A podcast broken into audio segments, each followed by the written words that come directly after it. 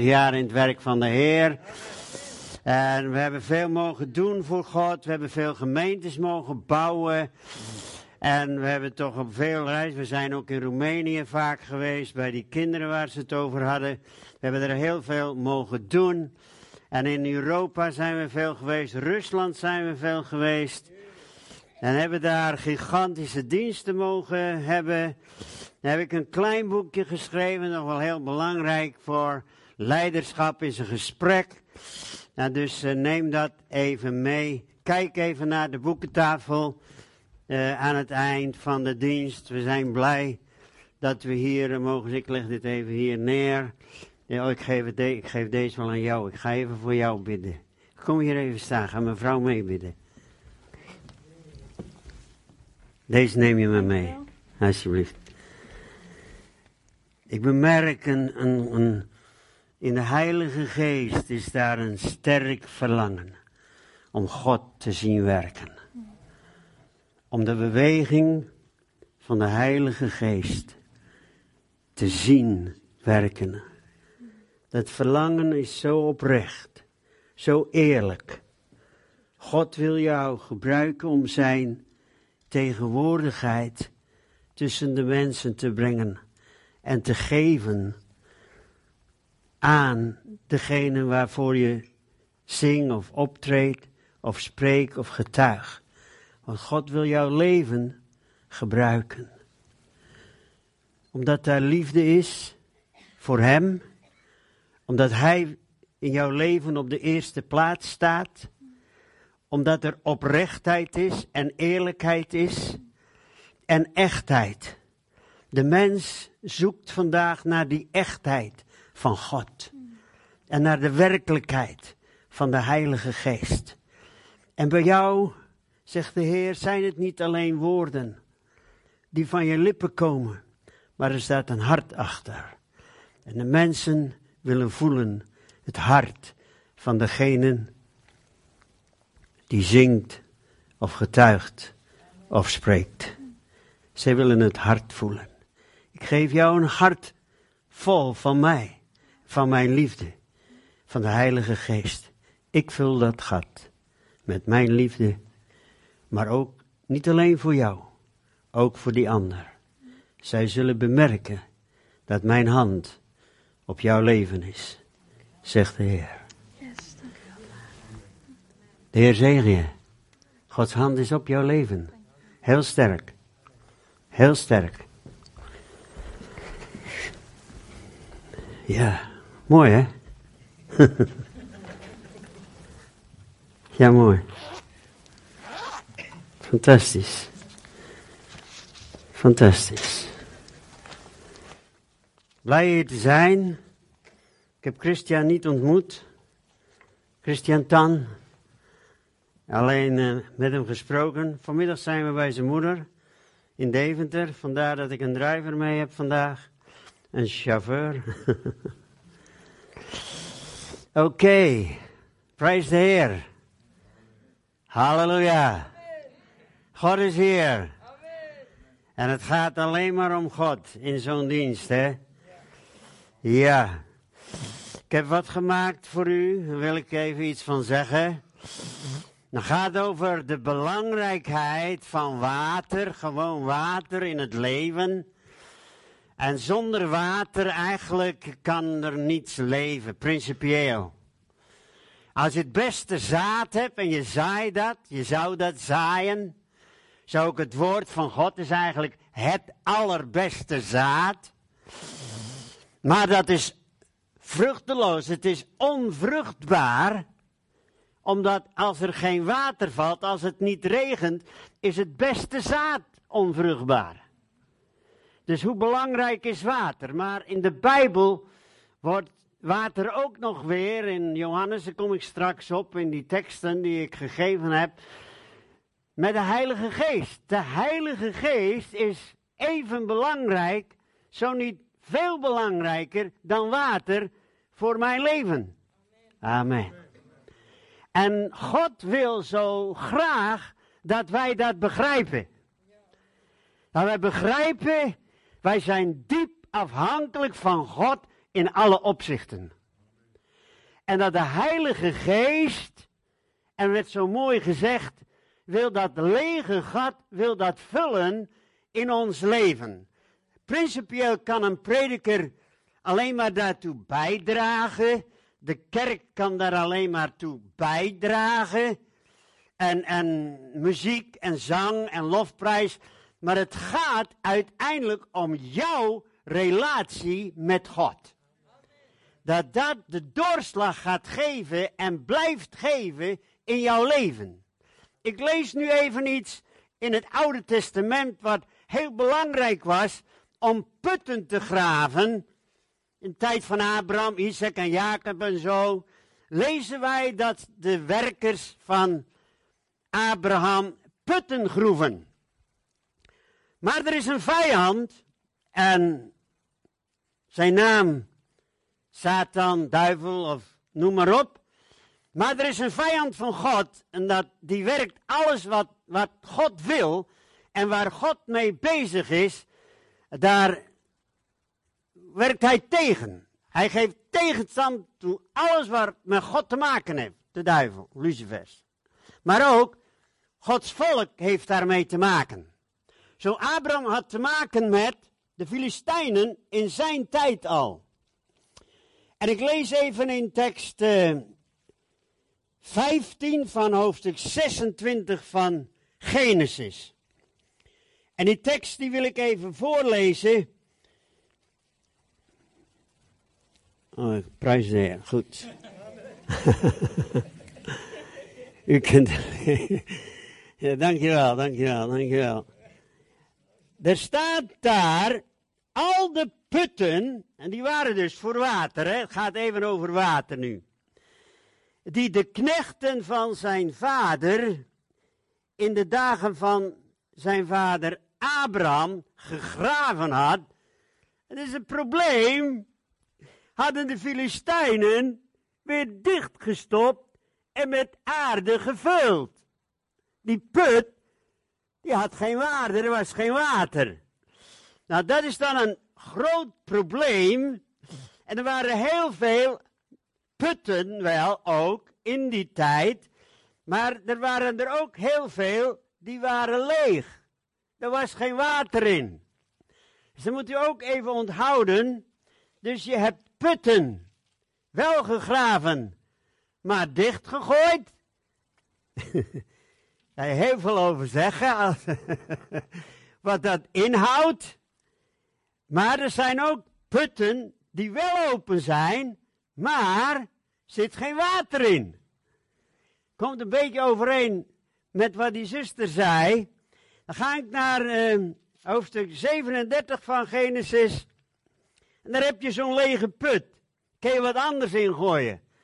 Maar please, gooi je broeder daar niet in. en zij namen hem, oh, sorry, 37 vers 24. En zij namen hem en wierpen hem in de put. De put nu was leeg, er stond geen water in. Nou heb ik wel eens gehoord een uitdrukking van iemand, ik zit wat in de put. En misschien heeft u dat ook wel gehoord. En dan zitten ze in de put. En iemand die in de put zit, spreekt vaak, vaak puttaal.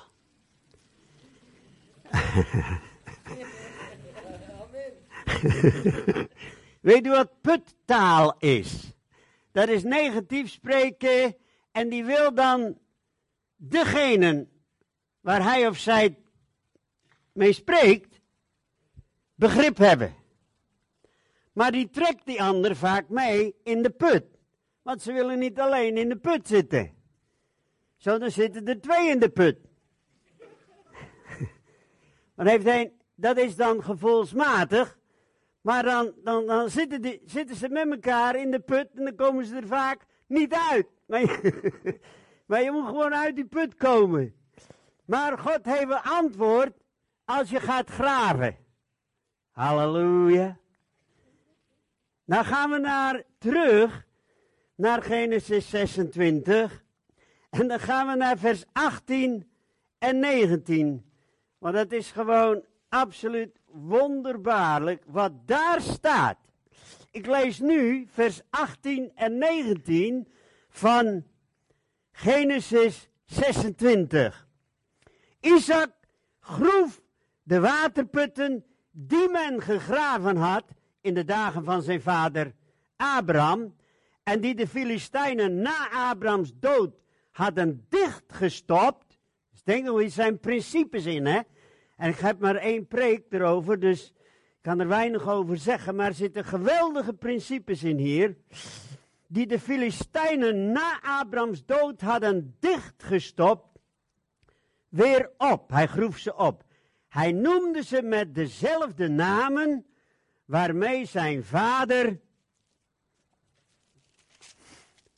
ze genoemd had. Daarna groeven de knechten van Isaac in het dal en vonden daar een put. Vullen de zin? met levend water.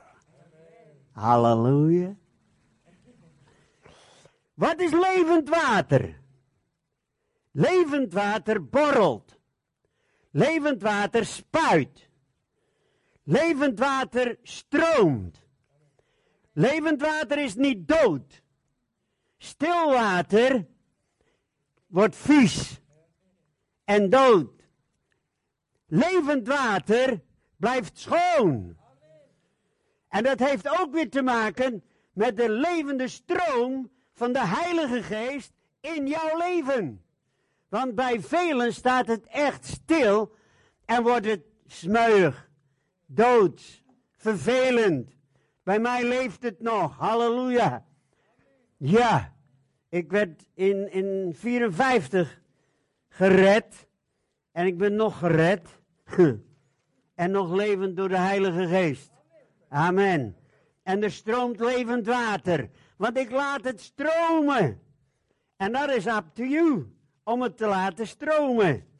Dan gaan we even naar een andere tekst en dan vraag ik u eerst, wat was nou het doel van die oud-testamentische putten? Nou, is één doel en dat is water.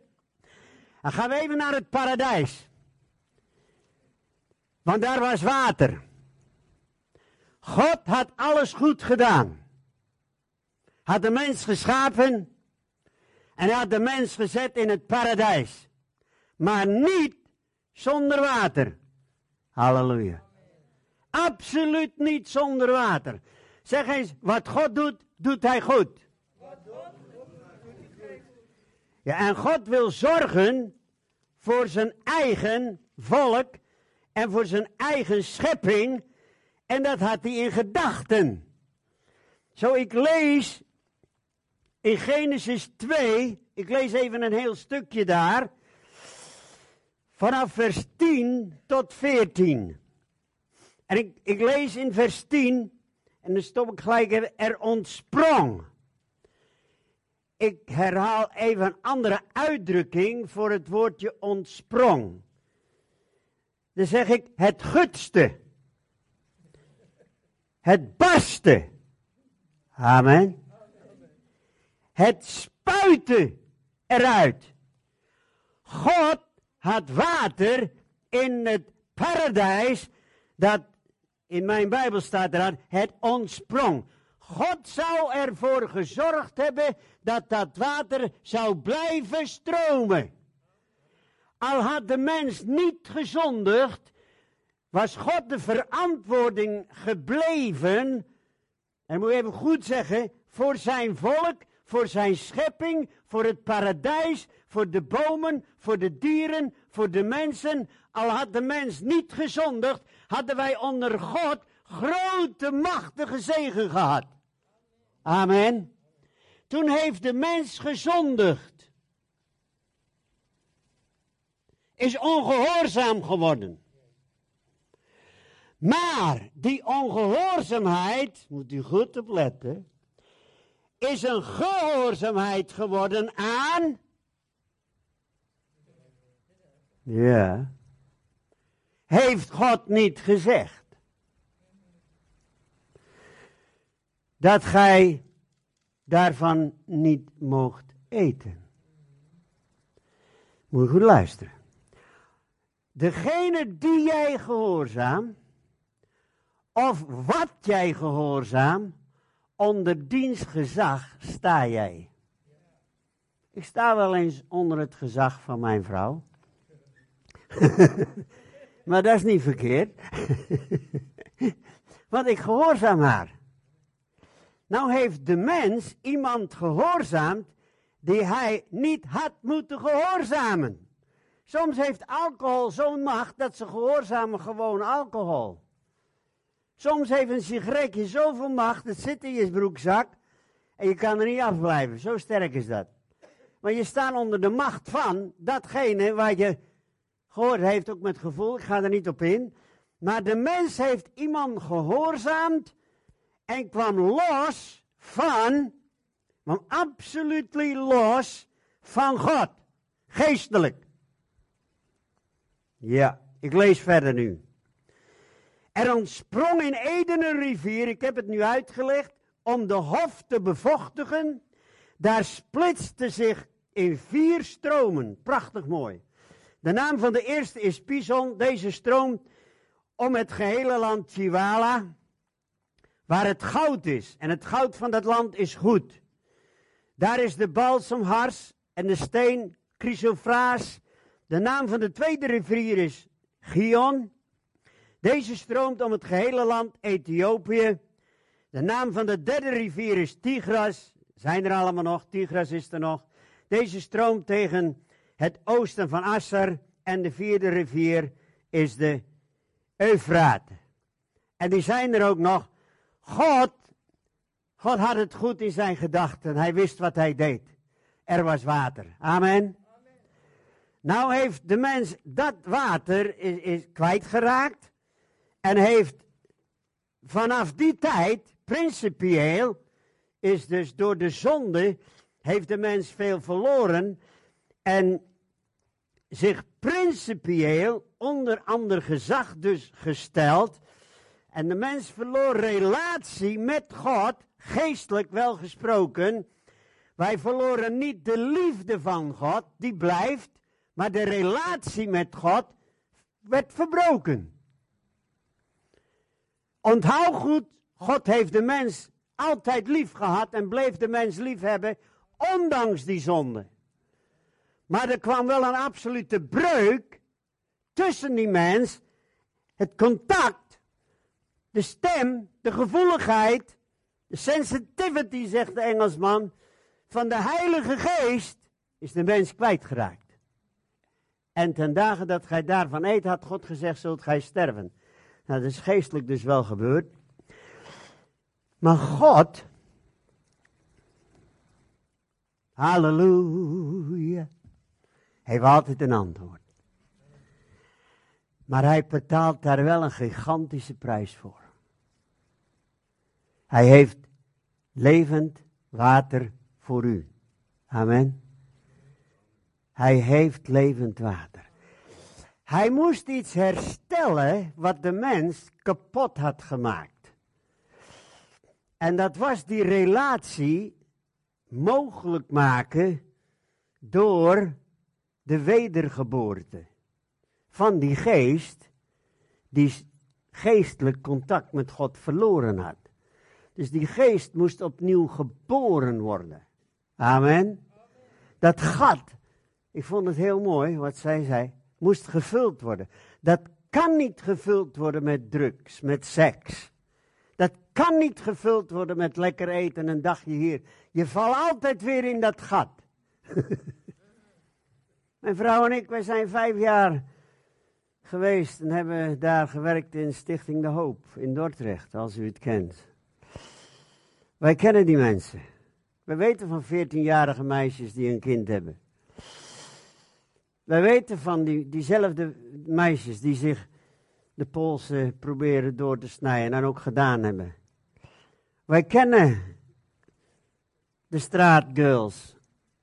Wij kennen de, de jongens van 14, van verschillende nationaliteiten in Nederland, die gewoon zich opofferen voor prostituut, jongensprostitutie.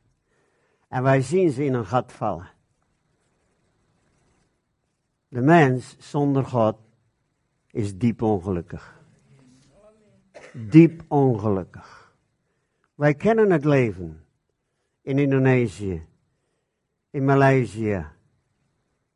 We kennen het leven, het rijke leven in Singapore.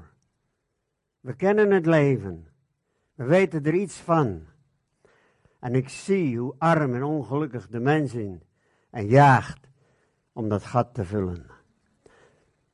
Maar zonder God is er niets. Zonder God, ik weet het heel zeker, lieve mensen. Zonder God is er absoluut niets. Absoluut niets.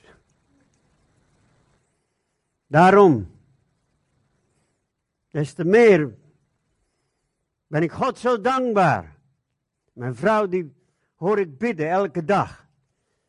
En dan zegt ze bijna elke dag, Heer ik dank u voor Jezus Christus. Die zijn leven gaf. Voor mij, zegt ze dan. Halleluja.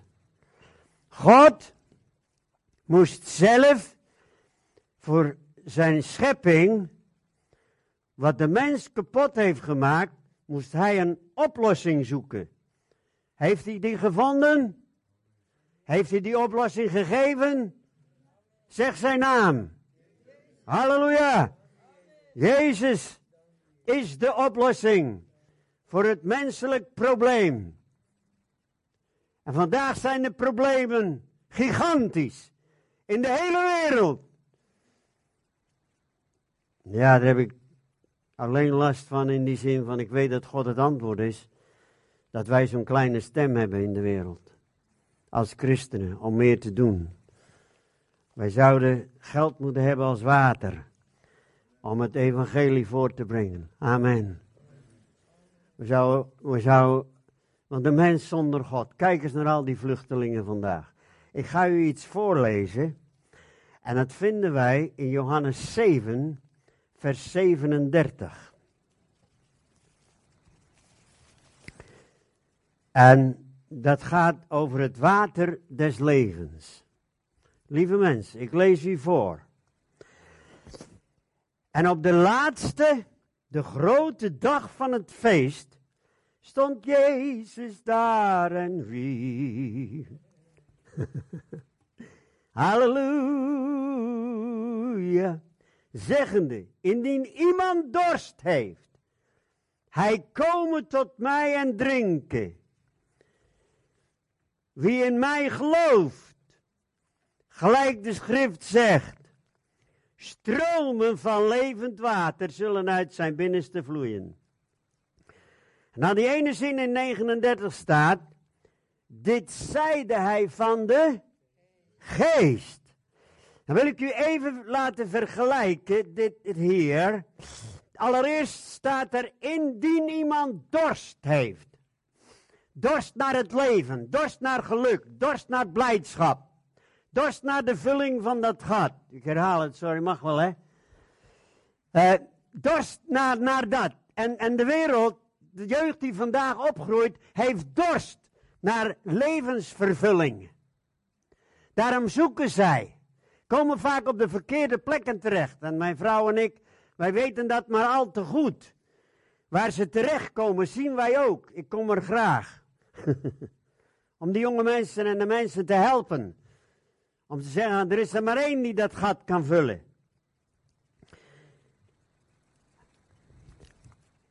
De christenen, ook u, zoals u hier zit, heeft u nog steeds dorst? Het is een voorwaarde om gevuld te worden. En sommige mensen hebben geestelijk geen dorst meer. Die kijken naar de problematiek van de christenen. Naar de splitsingen. Naar de doctrines. En die zien dit en die zien dat. En ze hebben geen dorst meer. Voorwaarde om vol te worden is dorst. Amen. Dan heb ik een ander iets, er staat, dat dorst alleen is niet genoeg. maar dat wist u al, hè? U moet komen. En dat is ook niet genoeg. Drinken. Amen. Amen. S'avonds, als wij gebeden hebben, mijn vrouw en ik, om een uur of tien tot half elf, en bidden we samen, zegt ze aan, ik heb dorst. en dan staat er een fles met orange juice, en dan gaat ze erheen. Maar ja, dat ding kan ze niet open krijgen.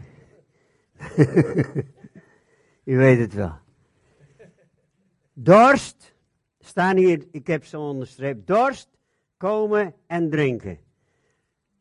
Nog niet genoeg. Actie, geloof is actie. Zeg het eens, geloof. Als u mijn boek gaat kopen, Pioniers met Passie, dan ziet u dat wij honderden keren op het water hebben gelopen. En dat het water was goed genoeg om daarop te lopen. Door het geloof in Jezus Christus. Amen. Wij zijn ook bij de Roma Kids geweest. Hebben er ontzettend veel gedaan en die huisjes gebouwd. Heel veel gegeven. Dan kom je daar twee jaar later. Hebben ze al het hout wat wij gegeven hebben, hebben ze verbrand voor wat warmte. en dan bouwen we ze maar weer. Lieve mensen, geloof is actie. Herhaal het nog eens. Geloof. Geloof is actie. En niet vermoeid worden. Ik ga dit heel sterk zeggen. Niet vermoeid worden om blijvend het goede te blijven doen. Wij kunnen zeggen, mijn vrouw, we zijn vermoeid. Laat een ander het nou maar doen. God geeft kracht. Als jij, op het, als jij denkt dat je het niet meer kan. En je stapt op dat water van, Heer, dit kan ik niet. En je doet het toch. Dan beleef je juist de kracht van God. Juist op dat moment. Amen. En dat is heel belangrijk. En dat beleven mijn vrouw en ik. Wij stappen op het water. En ze, halleluja. Dus dat zijn vier dingen daar in die ene tekst. Maar dan staat dit zeide hij van de geest. En dan, de Bijbel refereert dus in Johannes 7 vers 39 naar de geest in betrekking tot water. Nu gaat het ook om de putten. Dus niet alleen om het water, niet alleen om dorst te hebben, maar in het Oude Testament gaat. Dan ga ik even over die putten zelf spreken. Nou, wie zijn nou die putten in het Oude Testament? Duidelijk, die werden gegraven. Maar in het Nieuwe Testament kondigt de Heer Jezus een nieuwe dimensie aan. En die nieuwe dimensie, die zien wij in Johannes 4, eh, vers 10. En dat laat zien dat jij en ik die put zijn. U bent die put. Johannes 4, vers 10. Yeah. Daar komt het levende water terug. Daar komt de put terug. En uh, waar dat water in moet. In vers 10 zegt Jezus tegen deze Samaritaanse vrouw. Hij zeide tot haar, indien gij wist van de gave Gods. Zeg halleluja. Wow, halleluja. En wie het is die tot u zegt, geef mij te drinken. Gij zoudt het hem gevraagd hebben. En wat staat er dan? Hij zou u. Vindt u dat niet fantastisch? Wat stond er in Genesis? Toen Isaac op plaats die putten opende, daar was levend water. In het Nieuwe Testament wil Jezus u levend water geven, refererend naar de kracht van de Heilige Geest. En, en dat is zo belangrijk, dat vult jouw leven. Nou, die put in het Oude Testament raakte verstopt. De vijand deed dat. De Filistijnen.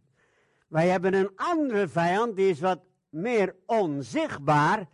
Maar gevoel van de mens is soms echt een vijand. De put moet niet verstopt raken of dicht zijn, zoals de putten in de tijd van Isaac. Nee. Genesis 26, vers 5 ga ik niet herhalen, maar daar staat dus dat die putten dicht uh, gegooid worden.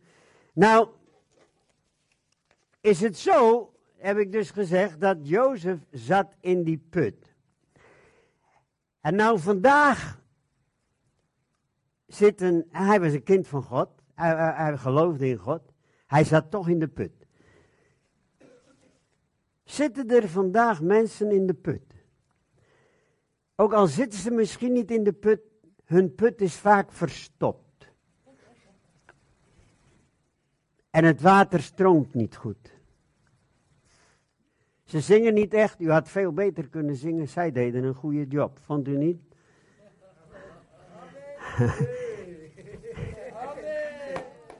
u had veel beter kunnen zingen. Het is te gemakzuchtig. Ze liet u nog even zingen een keertje. Ik denk, nou. maar misschien is het de zaal, ik weet het niet. Maar u kunt veel beter zingen. Soms is die put wat verstopt. En weet u ook, dat gebedshalfuurtje, dat passen we er zomaar in. Christianity, God moet inpassen in mijn drukke leven. Voor mij en mijn vrouw is God de hoofdzaak. En alles moet passen, maar God eerst. En daaromheen pas ik mijn leven. Mijn geld, mijn alles. God eerst. Amen. En hij stelt nooit teleur. Ik ga u even zeggen waarmee de put vandaag verstopt is. Luister goed. Want als uw put vandaag verstopt is, vraag ik u om straks naar voren te komen. Om voor u te laten bidden. Hij is verstopt met zorg. Hij is verstopt met kritiek. Hij is verstopt met depressiviteit. Heel vaak met boosheid, met bitterheid. Heel vaak is die put verstopt met onbegrip. Met ontmoediging, heb ik al genoemd. Met frustratie. Soms ook met zelfmoordgedachten. Die put is verstopt.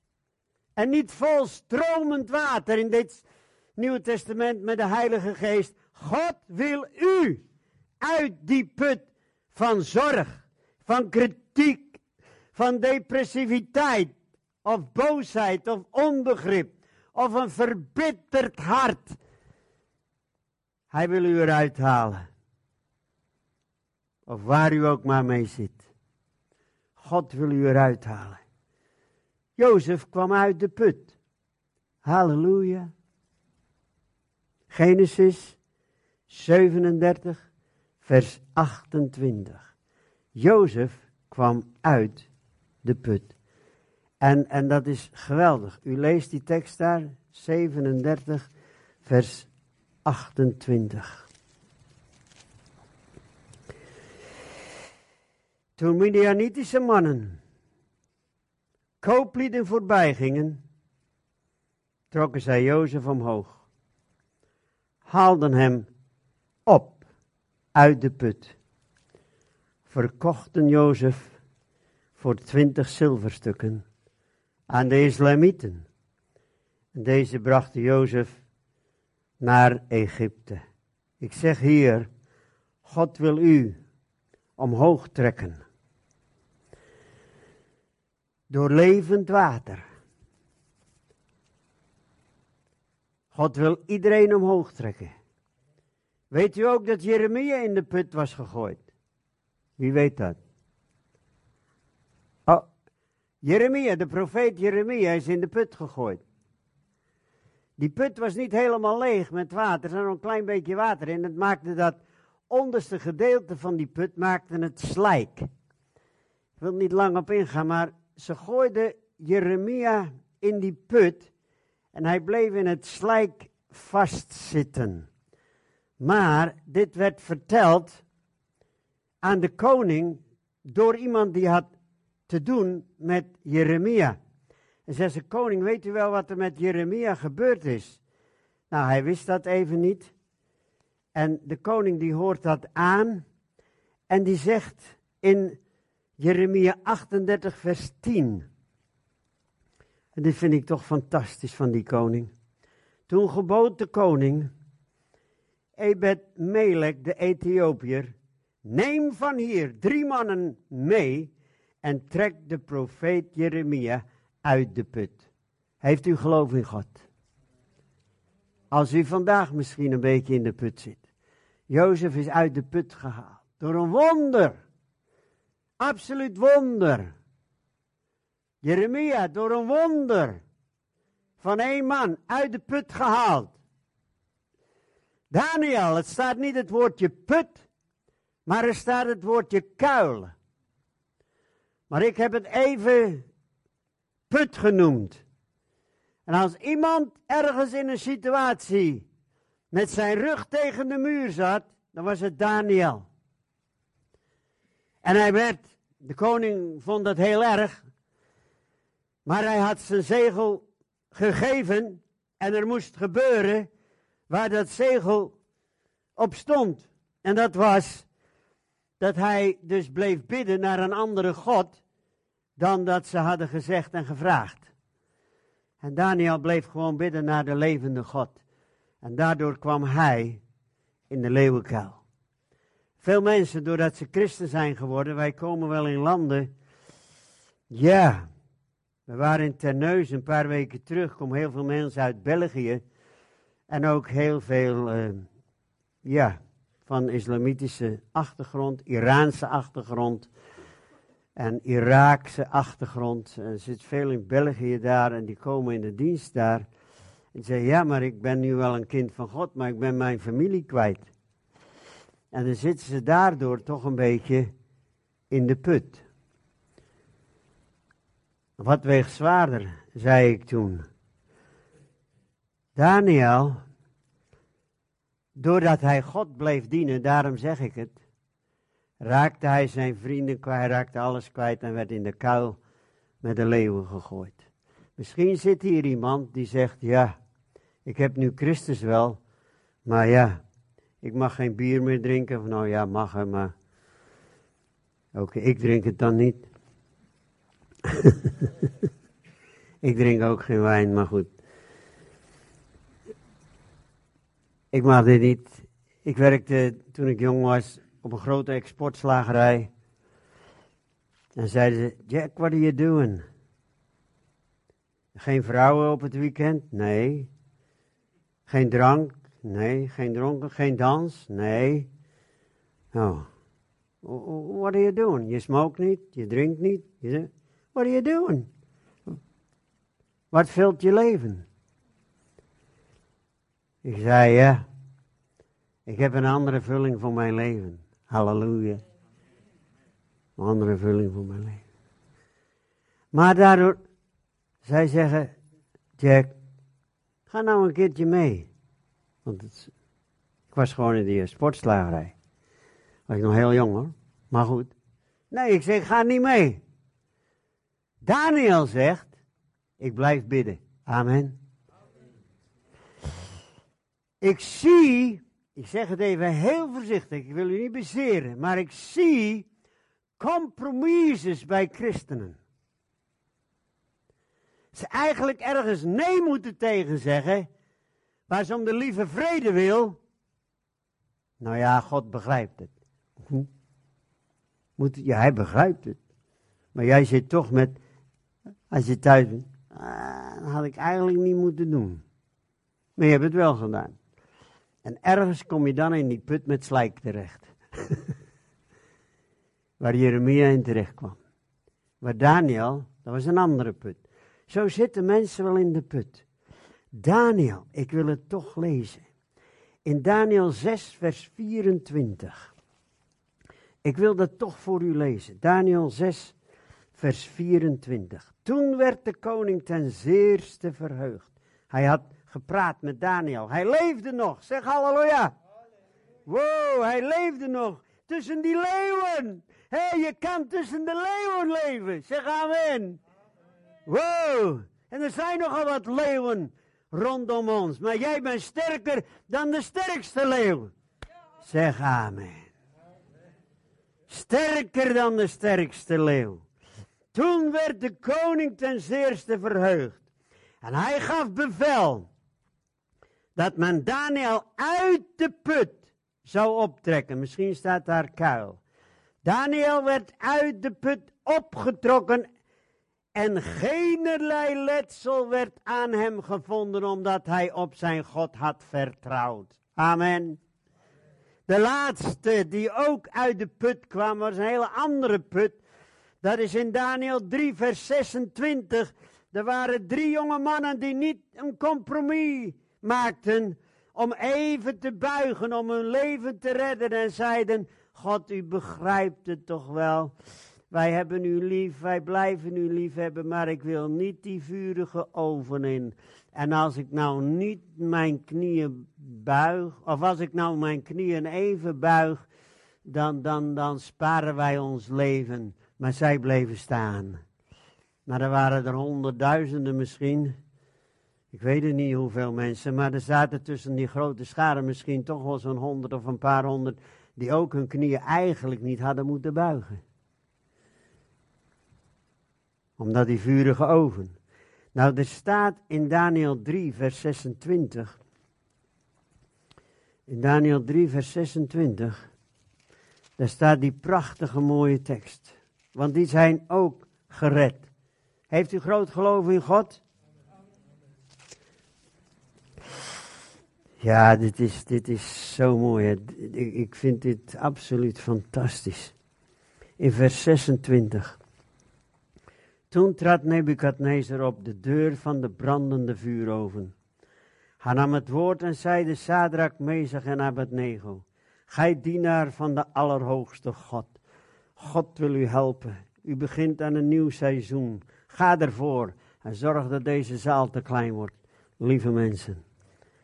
Treed naar buiten en kom hier. Toen kwamen Sadrak, Mezek en Abednego uit het vuur, ongeschonden. Maar in vers 24, dat staat misschien niet op de overheid, daar staat dat de koning nam het woord en zeide tot de raadsheren, hebben wij niet drie mannen gebonden in het vuur geworpen? Zij antwoordden de koning, zeker ook koning, 25. Hij zeide, zie, ik zie vier mannen vrij wandelen, midden in het vuur. En zij hebben geen letsel. En het uiterlijk van de vierde gelijkt op dat van een zoon der gonen. Dat was Jezus Christus. Halleluja! Maakt niet uit. Een keuze voor God. Jezus komt dichterbij.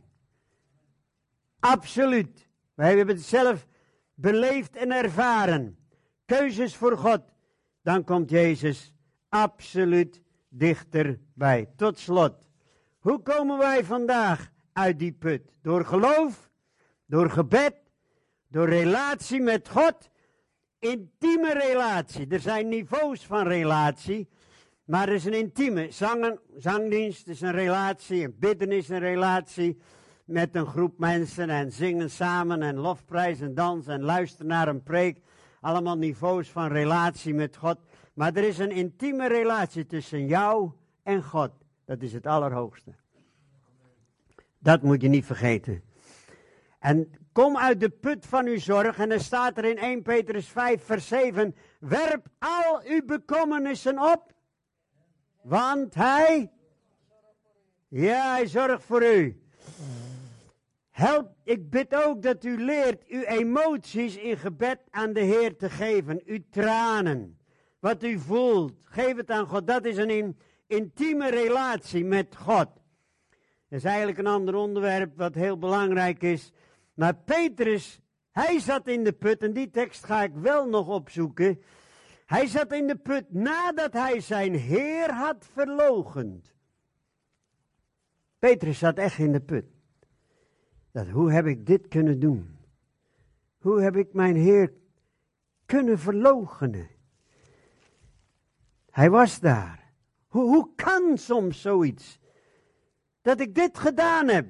Laatst was er iemand die zei, ik ben 30 jaar getrouwd, Jaap. Oh. Maar, ja, ik ben weg bij mijn vrouw. Wat nou dan? Ja, ja. Overspel. Hoe, hoe kan dat? Hoe kan dat? Ja, maar het gebeurt. Vers 60 lees ik, 61 en 62. Van Lucas, hoofdstuk 22. Petrus zei de mens, ik weet niet wat gij zegt. Hij had al een paar keer gezegd, ik ken hem niet. En terstond, terwijl hij nog sprak, kraaide een haan. En de Heere keerde zich om en zag Petrus aan. En Petrus herinnerde zich het woord des Heeren. Hoe hij tot hem gezegd had, eer de haan heden kraait, zult gij mij driemaal verloochenen. En dan staat er dit, wat ik zei. Hij zat in de put. Hij ging naar buiten en weende bitter.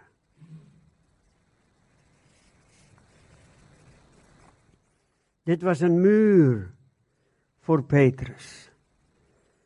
Om doorheen te breken. Dit was iets dat Petrus moest overwinning over krijgen. Om zichzelf te vergeven. Maar hij gaf niet op. Halleluja. Petrus gaf niet op. Ik heb iets voor u. Jezus gaf niet op. Tijdens de verzoeking in de woestijn. Tijdens de storm op het meer. Jezus gaf niet op. Toen ze hem verweten dat hij wonderen deed door Satan. Toen ze hem zochten om te doden. Toen velen hem verlieten, hij gaf niet op. Toen de schare riep weg met hem. Toen hij vals beschuldigd werd. Uitgemaakt werd voor leugenaar, hij gaf niet op. Toen Judas hem verraadde. Toen hij gegezeld werd, hij gaf niet op.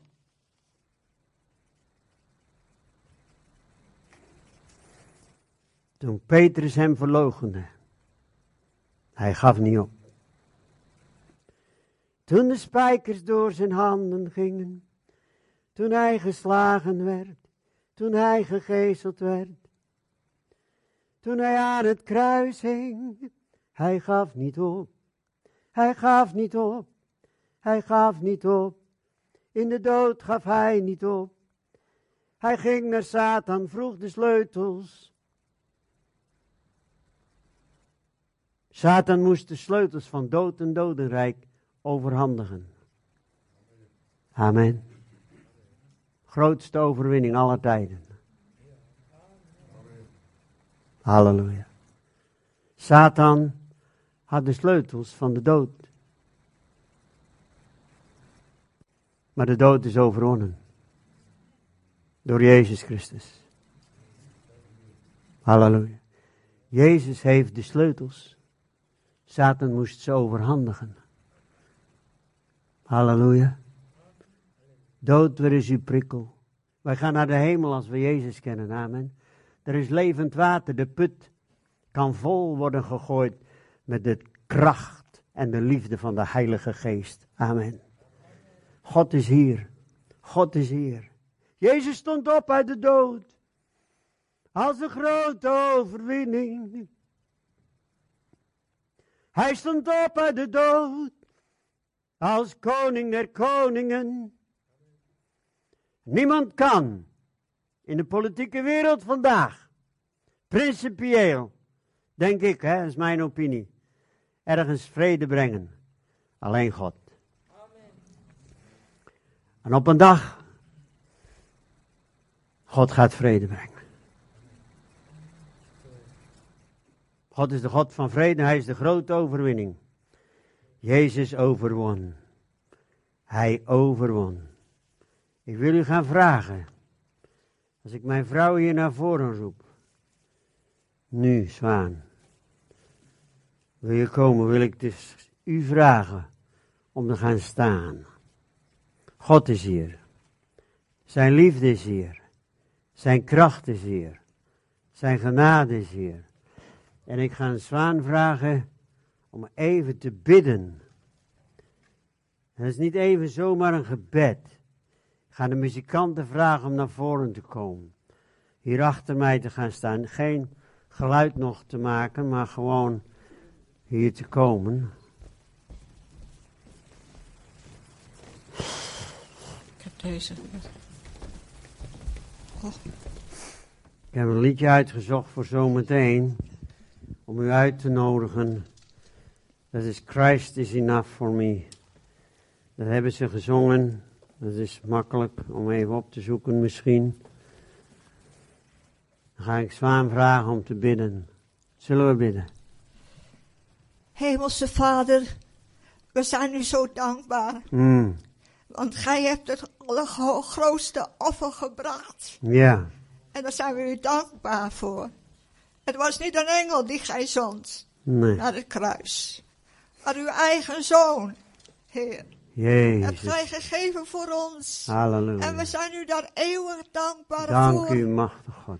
En heren, wij weten dat daar is een prijs voor ons allemaal. Mm, Maar het is niet te vergelijken met de prijs die u heeft betaald. Jezus. En Heer, als wij die prijs betalen, Jezus. dan geeft gij ons nog kracht ook om het te doen. Halleluja. En we zijn u daar dankbaar voor. Dank voor u, alles wat gij u, gedaan hebt in ons leven. Dank u, Jezus. En Heer, wij weten tot aan het einde toe van dit aardse leven dat het soms, Heer, moeilijk kan Hmm. worden. Wij danken u voor de vrede die gij in ons harten gegeven he- Hmm. heeft. We danken u voor de blijdschap. Maar soms is die blijdschap weg, Heer, gij weet het. Want het leven zelf geeft vele problemen. Ja. Maar ik dank u dat wij telkens weer tot u mogen komen. Mm. En dat wij telkens weer mogen drinken van het levende water. Halleluja, halleluja, halleluja, halleluja. Want het leven hier op aarde is niet gemakkelijk. Sommigen hebben kinderen die omgekeerd zijn. Sommigen van ons zijn ziek in ons lichaam. Jezus. Er is altijd een reden, Heer, om in de put te blijven zitten. Ja, Maar dat willen wij niet, Heer. nee. Dat ondanks onze probleem willen wij tot u komen. Want u wilt ons telkens weer kracht geven. Ja, Heer. U wil ons telkens weer aanraken. Zodat wij, Heer Jezus, kracht ontvangen. En dat wij, ondanks onze problemen, toch overwinnaar kunnen zijn. Ik dank u daarvoor. Dank u, Jezus. Blijft u even staan. Ik heb gezegd, Jezus gaf niet op. Jezus heeft levend water voor u. En mijn gebed is dat de put niet verstopt is met zorg of bitterheid of boosheid. Of dat u uzelf niet kan vergeven door relatiebreuken. Wat er ook gebeurd is. Jezus heeft levend water voor u. Hij vult u met zijn liefde en kracht. Hij wilt u met dat levende water in het Nieuwe Testament uiteraard de Heilige Geest vullen. Ik wil u uitnodigen. Heer Jezus, u bent hier. U bent hier. Er zijn hier mensen met zorg. Er zijn hier mensen ook met verdriet. Die het ook niet begrijpen. Hier zit ook veel onbegrip. Van God heeft nog mijn gebeden niet verhoord. En ik bid er zo lang voor dit of voor dat. God is hier. Jezus Christus. Jezus Christus. Die mevrouw die eh, sprak, die bij de gypsies was geweest. Waar ben je? Ja, die een was in de Balkan geweest, maar de ander was, ja, die, die mevrouw met die bril op, denk ik, ja. Ja, jij. Kom even naar voren. Want zij heeft iets van, eh, van God. Ook in een bepaalde leiding geeft. Er, is kwaliteit in jouw leven. Er is echt kwaliteit in jouw leven dat God wil gebruiken. Je kan heel goed en op een hele goede manier met mensen omgaan. Jij wil ook mensen helpen. En, en Heer, Zwan, leg even je hand zo. Strek uw hand even uit, want God, er is iets uh, is heel mooi in het leven van deze vrouw. Wat ik voel en ervaar in de Heilige Geest. En ik zeg niet zomaar iets, ik weet gewoon wat ik zeg. En ik weet ook absoluut zeker, dit is de Heilige Geest die tot mij spreekt. Voor haar om haar te bemoedigen. Het is eigenlijk een bemoediging. Dat zij, God wil trekken soms aan jouw leven. Wees heel wijs en heel verstandig wat je, waar je nee moet tegen zeggen, zodat het niet te veel wordt soms. Heer, help haar in de naam van de Heer Jezus Christus. Vader in de hemel, u heeft haar iets gegeven om anderen te helpen. En de praktische kant van jouw leven en de practicality die jij hebt gekregen, want je bent een zeer praktisch persoon en je ziet het gewoon. Je kunt ook wel organiseren. Heer, help haar. En dat is zo gigantisch nodig, ook vandaag.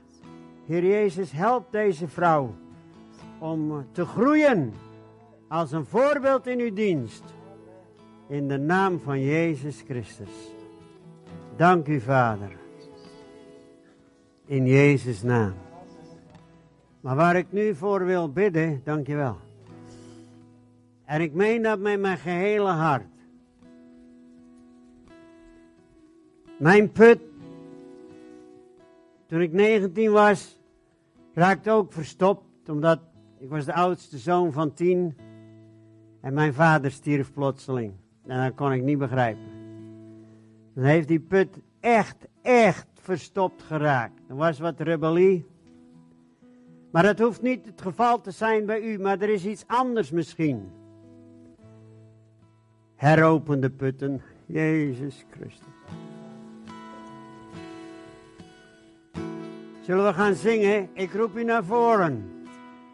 En dan kunnen wij met u bidden. Zeg eens, God is hier. Heropen de putten. Heropen uw put vandaag. En laat hem vullen door de liefde van Jezus Christus. Halleluja. God is hier. Twijfel niet. Kom naar voren met, u, met uw broer, met uw zus, met iemand waarvan u zegt... Hij moet eigenlijk echt gebed hebben. Jezus is hier. We gaan zingen dat koortje... Uh, ik heb het gezegd, hij is er naf, hij was er niet. Oh ja, daar heb je het al.